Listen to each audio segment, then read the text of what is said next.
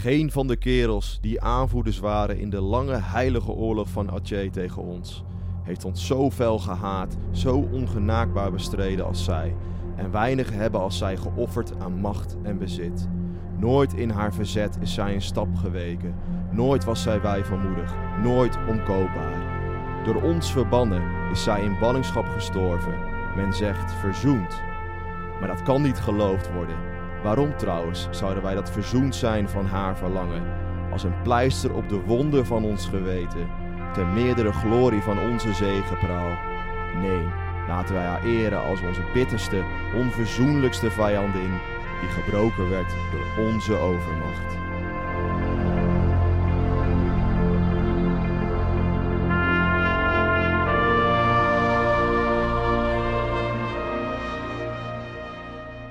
Dit is de His and Her Story podcast met vandaag Chut Nia Din.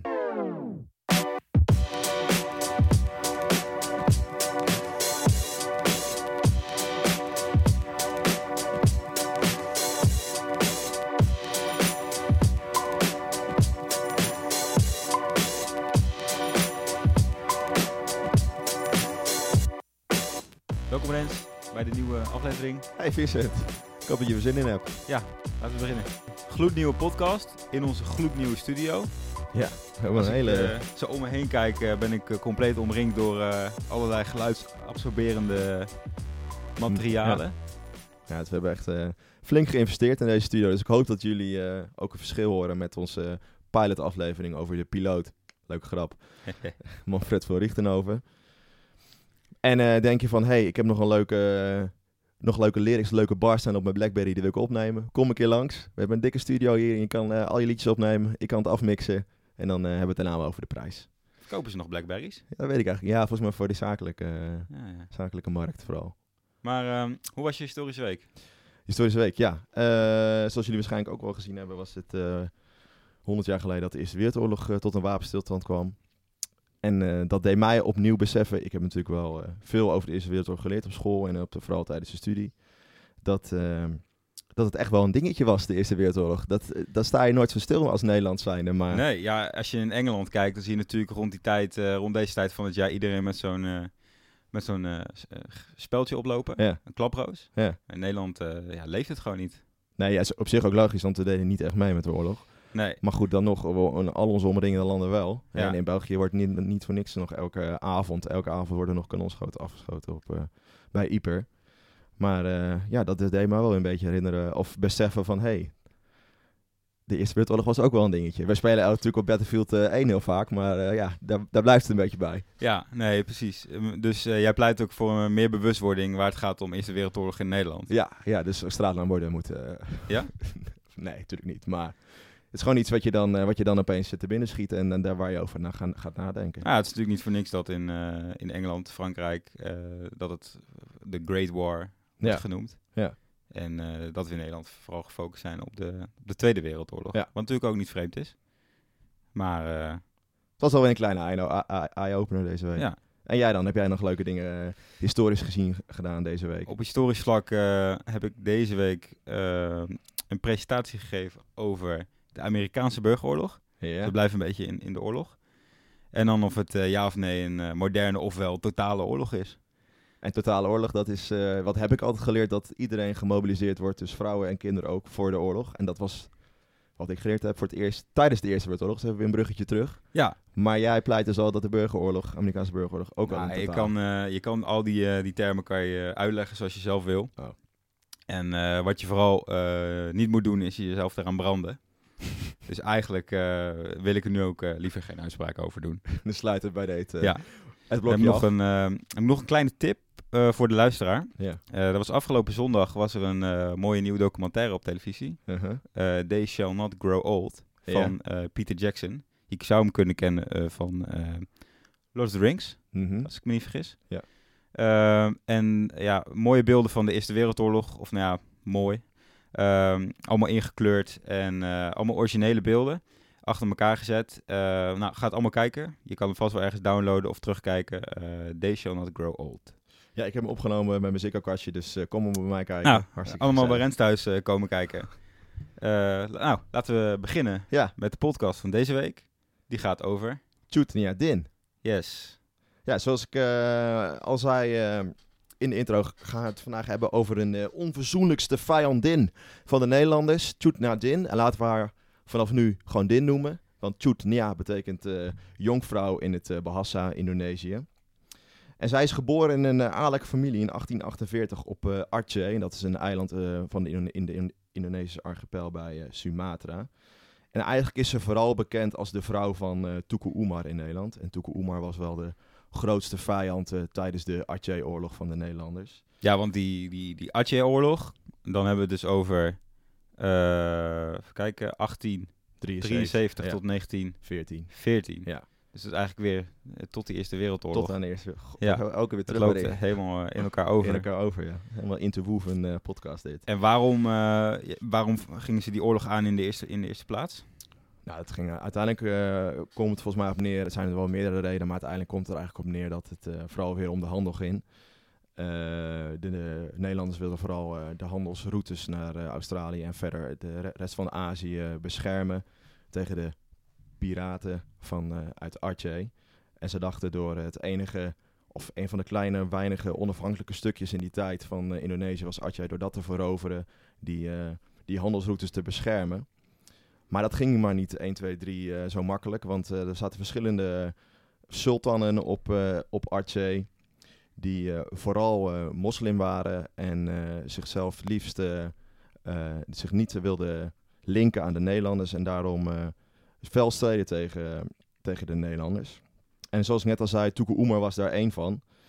En hij eh, heeft een heel bijzonder verhaal. Hij werkte samen met de Nederlanders. Daarna, eh, daarna ging hij weer strijden tegen de Nederlanders. Toen werkte hij weer samen. Want de Nederlanders deden er alles aan om, eh om Aceh te veroveren. En ze dachten door, door linken te leggen, door contacten te onderhouden met de sul- sultanen op Aceh... eh, kunnen wij die oorlog, of kunnen we eindelijk Aceh veroveren. Ja, want eigenlijk als je zegt eh Aceh-oorlog, is het eerste wat je zou zeggen, denk ik, van Heuts. Ja. Kunnen we het misschien zo nog even over hebben. Ja. Maar daarna zeg je het verraad van Teuke Oemar. Ja. En het verraad moet dan wel echt tussen haakjes. Hè? Want Ja. in die tijd werd het in Nederland gezien als verraad. Maar ja, het is natuurlijk gewoon de strijd tegen de Nederlanders. Wat heel logisch is als je eigen grondgebied eh, wordt ingenomen. Maar was het dan eh, van tevoren al eh, echt een plan om, om eh, zich bij de Nederlanders aan te sluiten, eh, zich, voor zich, te, zich voor zich te winnen? Nee, En, nee. Want eh, wat je vooral ziet, wat ik net al zei, was dit op Aceh wonen er veel moslims. En die moslims zagen het echt als een heilige oorlog. Dus wel ook wel jihad genoemd tegenwoordig. Tegen de Nederlanders. Maar Tuku Umar die zag het meer als een, een manier om zichzelf, om geld te verwerven, om hoog op te komen in de, in de, sulta- in de sultanen van, van Aceh. Dat was meer voor zijn aanzien. Dus hij zag het niet zozeer als een, als een echt een heilige oorlog. En daarom dacht hij ook, greep hij alle middelen aan om eh, die status te verwerven. En daarom heeft hij eh, ontzettend veel wapens gekregen, geld, maar ook opium van de Nederlanders. Om te vechten tegen andere eh, sultanen. Maar toen kwam het hem, voor hem uit, kwam het beter uit om weer tegen de Nederlanders te gaan vechten. Toen ging hij weer tegen de Nederlanders vechten. En uiteindelijk heeft zij twee keer de Nederlanders verraden. En vooral die tweede keer heeft echt impact gehad op die oorlog. Die, die oorlog is veranderd. Tot aan eh, dat tweede verraad in 1896 eh, verscholen de Nederlanders zich eigenlijk achter de geconstateerde linie. Ze hadden heel snel de hoofdstad van Aceh eh, veroverd en zich daar een soort van kasteelburg neergezet en bleven ze daarachter. Maar na die tweede, tweede keer verraad van Tuku Umar gingen de Nederlanders echt op pad en de jungle in. Guerrilla-oorlog voeren tegen de Aceh's, wat heel moeilijk was. Gewoon les 1, eh, westerse landen tegen landen die ze niet goed kennen. Ja, Nooit een guerrilla-oorlog voeren. nee. Die verlies je gewoon altijd. Nou, om eh, met Johan Cruijff te spreken, een guerrilla-oorlog kan je nooit verliezen, maar je gaat hem zeker nooit winnen. Nee, nee, inderdaad. En dat zie je eigenlijk ook een beetje het geval. Maar ja, ze gingen toch die, die, die jungle in. En ze hebben eigenlijk uiteindelijk Tuku Umar ook te pakken gekregen. Hij is in de val gelokt. Op een strand hebben ze hem eh, gepakt. Het verhaal gaat dat eh, zijn mannen hem nog snel konden redden. En dat zijn vrouw... Dus nu komen we eigenlijk bij onze vrouw uit. ja, Din. want we gaan het vandaag eh, niet over Tulke Oemar Nee, we komen eigenlijk bij Din uit. Dat, hij, dat Din hem twee weken lang heeft meegezult door de jungle. En hij niet is gaan rotten in die 40 graden, in die luchtvochtigheid van 80% Haro. Omdat hij goddelijk is. Dat zijn natuurlijk de verhalen, het is waarschijnlijk niet waar. Nee. Maar ehm, uiteindelijk heeft Din wel zijn taak overgenomen. Dus de vrouw van, eh van Tuku Umar, Din, die, eh, is, heeft die strijd doorgevoerd. En is zes jaar lang is hij door de jungle blijven gaan. Achtervolgd door de troepen van Van Heuts. Van Heuts was inmiddels eh, aangesteld eh, op Aceh door het uh, Nederlands leger, door het Nederlands-Indisch leger, om, om die troepen te verslaan, die guerrilla-troepen. En het is hem ook door hard optreden gelukt. Ja, want dat is eigenlijk waar we Van Heuts van kennen. Ja. Generaal van het Nederlandse leger. Het Indisch leger. Het Nederlands, Koninklijk Nederlands-Indisch leger. Hij was generaal van de Knil? Ja. Oké. Dus uh, ja, dat is uh, een verschil. Ja, en daar kennen we hem van. En dat is ook uh, breed uitgemeten in de, in de media van die tijd. Foto's van dat hij dorpen platbranden op Aceh zijn, werden hem vol trots geplaatst in Nederlandse dagbladen en tijdschriften.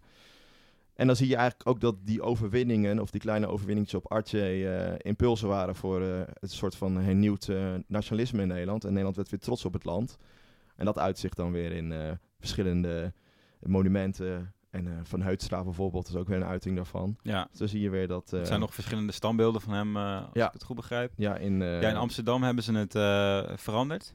Ja. Zijn, zijn monument. Ja, is in, was, dat is eigenlijk best wel laat pas gebeurd. 2001 is het Van Heuts monument op de Apollo-laan in Amsterdam-Zuid veranderd in het monument Nederlandse-Indië. Maar dat, dat is al geplaatst in 1930 en toen was het eigenlijk al omstreden. En was hij al, werd Van Heuts al bekritiseerd. Maar bijvoorbeeld ook op het Stadsarchief in Amsterdam zie je zijn uh, borstbeeld nog steeds, naast uh, JP Koen. Dus, okay. dus ik maar twee weer, gezellige jongens. Ja, twee, uh, twee leuke jongens die gepresenteerd worden op zo'n belangrijk en mooi gebouw in Amsterdam. Oké, en nou ja, ik, als de luisteraars de podcast een beetje kennen ondertussen, wat denk ik wel zo is, nou ja. zeker één, één pilot slash pilotenaflevering, ja. Um, gaat het dus om Um, ja, dat wij iemand kiezen die, die wij ook wel, waarvan wij denken, die moet je wel kennen. Ja. En dat is met deze Din wel, uh, wel aan de hand. Ja, dus ik denk dat, dat misschien, um, de, wij hebben de haar gekozen omdat uh, wij dachten dat meer mensen Tuku Umar wel zouden kennen. Maar zij heeft eigenlijk uh, die strijd nog veel verder doorgevoerd en ervoor gezorgd dat Archie nog langer onafhankelijk bleef en nog langer bleef vechten tegen de Nederlanders. En daarom is het denk ik zo bijzonder dat een vrouw in die tijd echt, als echt een vrijheidsstrijdster aan de gang ging tegen de Nederlanders. En dat zie je niet zoveel volgens mij. Nee. En als je dan opzoekt van, uh, is dat zo bijzonder in die tijd? Dan valt het eigenlijk wel mee hoe bijzonder dat was. Want dan, als we kijken naar Archie in die tijd, waren de vrouwen eigenlijk net zo'n rol als de mannen in die tijd. In het algemeen? Ja, in Aceh zelf. Ze hadden de, ze, iedereen werd gemobiliseerd voor die oorlog. Zoveel mogelijk troepen werden verzameld. Dus waaronder ook vrouwen. En dan zie je ook in Nederlandse uh, dagboeken van soldaten van het uh, KNIL... dat wordt geschreven van... oh, er zijn heel veel vrouwen die zich, die zich als mannen kleden hebben we vermoord. Maar vrouwen droegen ook gewoon een broek en die werkten daar ook gewoon. En dat was toch iets anders, want in die tijd werd, in, uh, in de, werd Indonesië langzaamaan voerden de Nederlanders een beschavingsmissie in werden scholen gebouwd, er moest Nederlandse les gegeven worden. En uh, daar kwam ook langzaam bescheiding in van vrouwen werden, waren voor het huishouden en de mannen die uh, moesten het geld binnenharken. Maar ja, op Atje was dat heel anders en dat is de Chuk Niadin echt een voorbeeld van. Ja, want als je... Want zij was moslim. Ja. Uh, en Ajay, uh, het eiland Ajay in het, in het, algemeen. Ja. Um, hoe kun je dan dat, dat met elkaar rijmen, dat die, dat die vrouwen uh, toch wel de strijd aangingen, waar, waar je vaak uh, in, yeah. in, de islam toch uh, dat niet, niet tegenkomt? Ja, geen idee. Dat is een denk ik een lastige vraag. Maar ik denk wel, laat me zeggen, dat het soevereiniteitsidee in Aceh ja. zo groot was en je vechten voor je sultan zo belangrijk was, dat, dat, in, dat invallen van buitenaf altijd zoveel mogelijk moesten tegenkeerd. Ze wilden gewoon soeverein blijven. Dus er werd alles voor in, in, staat gesteld. En iedereen werd daarvoor gemobiliseerd. Ja, want over die, over die soevereiniteit. Uh, het is wel belangrijk om te benoemen. Het gaat hier niet uh, om een uh, strijd tegen het... bijvoorbeeld het Indonesië wat, wat we nu kennen. Of, of nee. Het was tot op de dag van vandaag wil Aceh, Nog wat nu onderdeel was van Indonesië, ja. onafhankelijk zijn. Ja. Dus het gaat echt om een aparte mogendheid, ja. entiteit. Ja. En dat was toen ook al zo. Dus sinds, ze waren eigenlijk nog nooit onderworpen geweest aan de Nederlanders. Maar door die overwinning in 1914, of tenminste het einde van de oorlog in 1914, werd Nederland, of werd Aceh onderdeel van, het, van de archipel en van uh, de kolonie Indonesië. En dat, uh, ja, en later dus uh, werd van Indonesië. Ja, werd het onderdeel van de Republiek Indonesië. Ja. ja. Dus die, die Chutna Jin, die, die, die leidt die opstand tegen de Nederlanders na, Ja. na de dood van, eh van Tulke Oemar, Ja. is zij hier, eh boekt ze hier, hier veel successen mee. Zeg maar, Ja, dat buiten een- het feit dat het gewoon langer duurt, is, zijn er nog echt even wapenfeiten? Nee, dat niet, niet zover, laat maar zeggen, wapenfeiten waarin zij... dus het is niet duidelijk, er zijn geen bewijzen of geen bronnen waarin, waarin zij echt staat als bevel... voedster of hebster die, die, die bevelen uitdeelt, waardoor de, de, de mensen op Artje eh, wonnen. Maar het is wel duidelijk dat er heel veel aanslagen of, of werden gepleegd op bijvoorbeeld de, treinlijn, de treinen en op eh, de trams en op eh, handelsroutes, waardoor de, eh, de soldaten van Van Heuts eh, minder goed bevoorraad konden worden, niet de juiste wapens bij zich hadden, niet het juiste voedsel, waardoor de oorlog alleen maar langer duurde en het echt een guerrilla-oorlog werd. Maar uiteindelijk heeft Van Heuts eh, er wel voor gezorgd eh, met zijn marché dat eh, en zijn harde optreden dat, eh, dat, dat zij gevonden werd.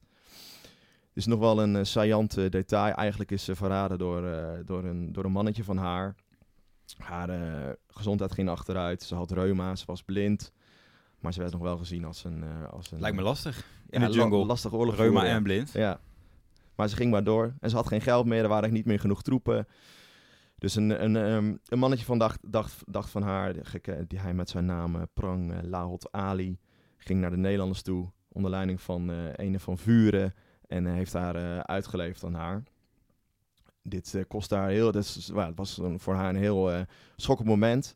Volgens de verhalen heeft ze geprobeerd zelfmoord te plegen. Is niet gelukt. En, zit een, en die foto is daarna gepubliceerd in de Nederlandse dagbladen... waarin ze huilend tussen haar mannen zit. En die zullen we nog wel posten op onze social media kanalen... zodat jullie die ook kunnen zien. Het HAHS podcast. Inderdaad. Dus uiteindelijk is ze dus in 1905 eh, gearreste- gearresteerd.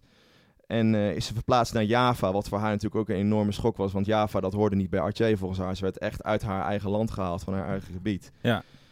En daar eh, heeft ze eh, tot haar... Maar ze is is ze- niet in de gevangenis Nee. gesmeten of geëxecuteerd of, of volgens, de, volgens de Nederlandse bronnen, dus dan hebben we het wel over de Nederlandse bronnen... is ze als een vorstin behandeld, Ja. met bediendes. En is ze zelf nog geopereerd aan haar blindheid en aan haar reuma door de Nederlandse artsen. Zodat zij vredig kon sterven. En dat heeft ze uiteindelijk ook, ook gedaan. Ze is uiteindelijk gestorven in eh, 1908. Dus ze heeft nog drie jaar in een soort van ballingschap geleefd op, eh, op Java. En ehm, ja, als vorstin behandeld. Ik, ik kan me niet... eh, even kijken, wie is er rond die tijd de vorst of vorstin van Nederland? Willem, Willem de derde. Nou, ik denk dat die het wel iets beter voor elkaar had, Ja. eigenlijk. Dat En, denk ik ook, ja. natuurlijk, het, haar behandelen als vorstin heeft, heeft, had natuurlijk ook zijn doelen. Ja, natuurlijk om, om, eh, om die, andere... Atje, ja, eh, bevolking... eh, ook een beetje gerust te stellen Ja. en laten zien van... nou, het is een beetje we hebben het beste met jullie voor. Ja, het is natuurlijk een beetje geven en nemen in zo'n oorlog. Dus Natuurlijk altijd concessies doen, voornamelijk voor degene met de minste wapens. ja. Die, die doen vaak de concessies. Ja, en dat, ja, en dat zie je dat, die, dat ze dus daar gestorven is in ballingschap. Ja, het einde van een... eh, van een, eh, Van ja. een vrijheidsheldin in Aceh en in Indonesië, dus nog steeds. ja, want in... eh, 1965 Ja. is, ze is, ze is ze echt uit- uiteindelijk uitgeroepen tot de nationale heldin. En eh, is ze op dit moment nog steeds eh, haar huis waar ze woonde op Aceh is nagebouwd. Want die is toen de tijd leeggeroofd door de Nederlandse eh, Indische soldaten. Alles is meegenomen naar Nederland. Je kunt alles nog vinden van Tuku Umar en uh, Chuknadin. Dan heb ik het over de Koran, eh, zwaarden, krissen, et cetera. Alles kun je nog vinden in eh Nederlandse musea. Maar haar huis is helemaal opnieuw eh, nagebouwd als van de afbeeldingen. En die kun je nog steeds bezoeken eh, als museum.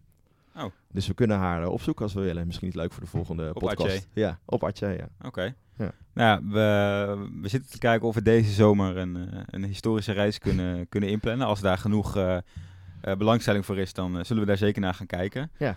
Ehm, ik wil eigenlijk toch nog heel even terug naar, naar Turke Oemar. Ja. Je had het net over een Seant detail en over de, de overblijfselen daarvan. Ja. Nu weet ik dat je in Nederland een, een bordspel hebt. Ja, het Tuku Oemar bordspel, ja. Ja. ja. Heel goed. Misschien kun je daar iets over vertellen. Ja, dus uh, Tuku Oemar was een soort van, uh, nou, hoe zeggen we dat? De want het, uh, de, ken je dat, hoe ken je dat van uit de Wild Western films? Ja. Want het overal, nou, in Nederland werd overal naar hem gezocht. Eh, het is, er zijn zelfs kinderliedjes over hem die gezongen werden op, op de schoolpleinen en die gaan van, eh oh, Tuku Umar die moet hangen, we gaan naar Atje toe, we gaan naar Atje toe, Tuku Umar die moet hangen. En toen hij dan eindelijk, eh, eind- eindelijk gevangen werd eh, door de Nederlanders en vermoord meteen, was het een groot, was er één grote blijdschap in Nederland. En dan kwam het uh, Tuku Umar bordspel uit. En dat is een soort van eh, ja, risk of eh, misschien beter, of kun je het beter gezien als een soort van mensen erg je niet. Je kunt kiezen of je bent Tuku Umar of je bent eh, het KNIL, dus het Koninklijk Nederlands Indisch Leger. Ja, en, uiteindelijk- daar, daar zit nogal een, eh, een verschil in. Ja, want het knil is volgens mij met 26 pionnen en uh, Ja. Umar heeft maar één pion. Dus er komt erop neer dat als je knil bent, dat je altijd gewonnen hebt. Ja. En als je nou kijkt naar de voorkant van die, van die, van die doos, van het, van het bordspel, zie je Tuku met een soort van bloederige letters geschreven. En een hele donkere, donkere man die een beetje eh, je bo- boos aankijkt met zijn zwaard. eh, dus dan, dat laat, laat dan weer zien hoe er op dat moment in die tijd werd gekeken naar, eh, naar mensen die, tegen, die tegen de Nederlanders vochten. Ja, dat was dus niet heel ja, sportief, laat ik het zo zeggen. Nee, niet heel eerlijk, nee. Nee. Oké, nou, dan weten we denk ik nu, eh, zijn we iets meer te weten gekomen over eh Tuke en eh Chut Nadin. Ja, misschien wel een beetje, ik zat net- te denken, misschien een beetje de Bonnie en een Clyde zijn ze met z'n tweeën. Ja, Dus we zeggen wel aan het begin van, hey, we hebben het over Tjut Nadin, maar uiteindelijk hebben we het er ook wel een beetje over hun samen gehad. ja, het is toch wel een, een ja, onwaarschijnlijk duo. Een dynamisch duo, Ja. elkaar aanvullen. En en, dat dat weet Chut ook maar, of Din, of na. Maar altijd goed. Din, want Din. Betekent dus jonkvrouw. Ah, Heel goed. Oké, ehm, misschien nog een leuke, ja, misschien kunnen we nog, nog een leuk eh, experiment, leuke vraag. Ja, Iets van, ehm, ja, wat, wat, wat zou jij 24 uur gaan doen ehm, met ofwel uh, Tukke Umar of uh, Chutna Jin? ja, Tjoek Oemers, ja, Tjoet Nadin. Oeh, lastig. Ik zou toch... ehm,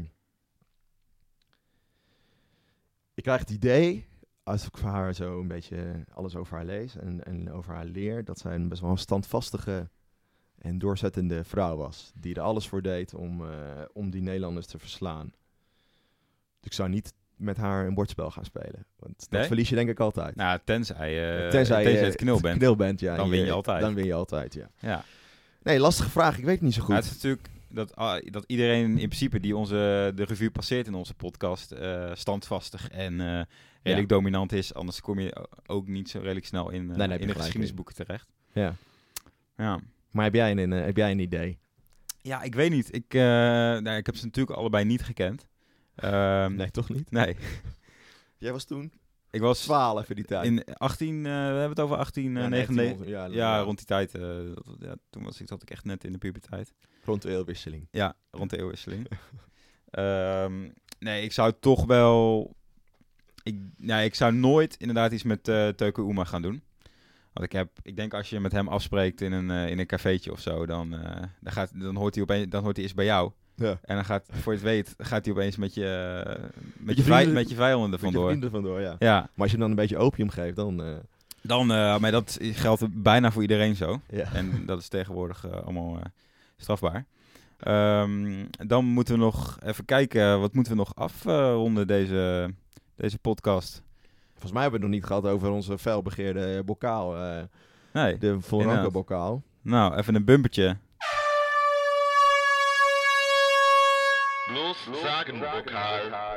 Ja, de Volrankenbokaal. Ehm vorige week hadden we, hebben we het gehad over Manfred van Richthoven, de Rode Baron.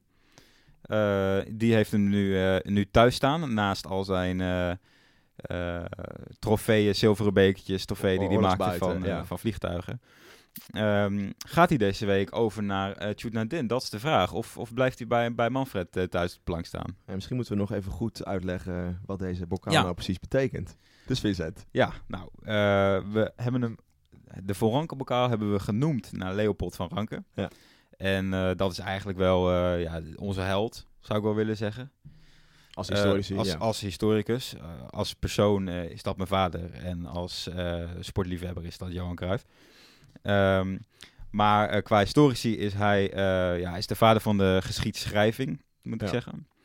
of de Ehm, geschiedsfilosofie misschien of de wel. geschiedsfilosofie. Geschiedschrijving werd al, al eerder gedaan. Dan heb je het over Homerus, Ja. zou ik zeggen. Ehm, desalniettemin ehm, gaat elke week... ehm, er is één beker, een Ja. wisselbeker, maar die hoeft niet gewisseld te worden. Nee. Dus ehm, aan, aan het einde van elke aflevering eh, bepalen we of de beker overgaat eh, naar de persoon die we deze week eh, behandelen. Mhm. En dan is het de vraag van wie verdient die nummer één plek als het gaat om de, on- onze geschiedeniskanon, onze... wie vinden wij het meest belangrijk die iedereen zou moeten, zou moeten kennen aan het Ja. einde van ons podcastseizoen. Ja. Dus, nou ja, blijft hij bij Manfred thuis staan, bij de Rode Baron thuis staan? Ja. Of gaat hij deze week naar Tjoet Nadin? ja, lastig. Ik zit nog een beetje in dubio. Ik heb het wel het idee dat Manfred, eh, dus de Rode Baron, symbool staat voor grotere veranderingen in de geschiedenis dan eh Tjoet Niadin. Ja, Maar ja, daarentegen is misschien Tjoet Nadin wel de echt de eerste vrouwelijke vrijheidsstrijdster van Indonesië. En dat is natuurlijk ook wel weer een, eh, een betekenis. Je hebt Ja, natuurlijk een Kartini van Aceh. van Aceh, maar ja, ook wel van Indonesië. Want in Indonesië wordt ze nog steeds gezien als een, als een heldin. Ja.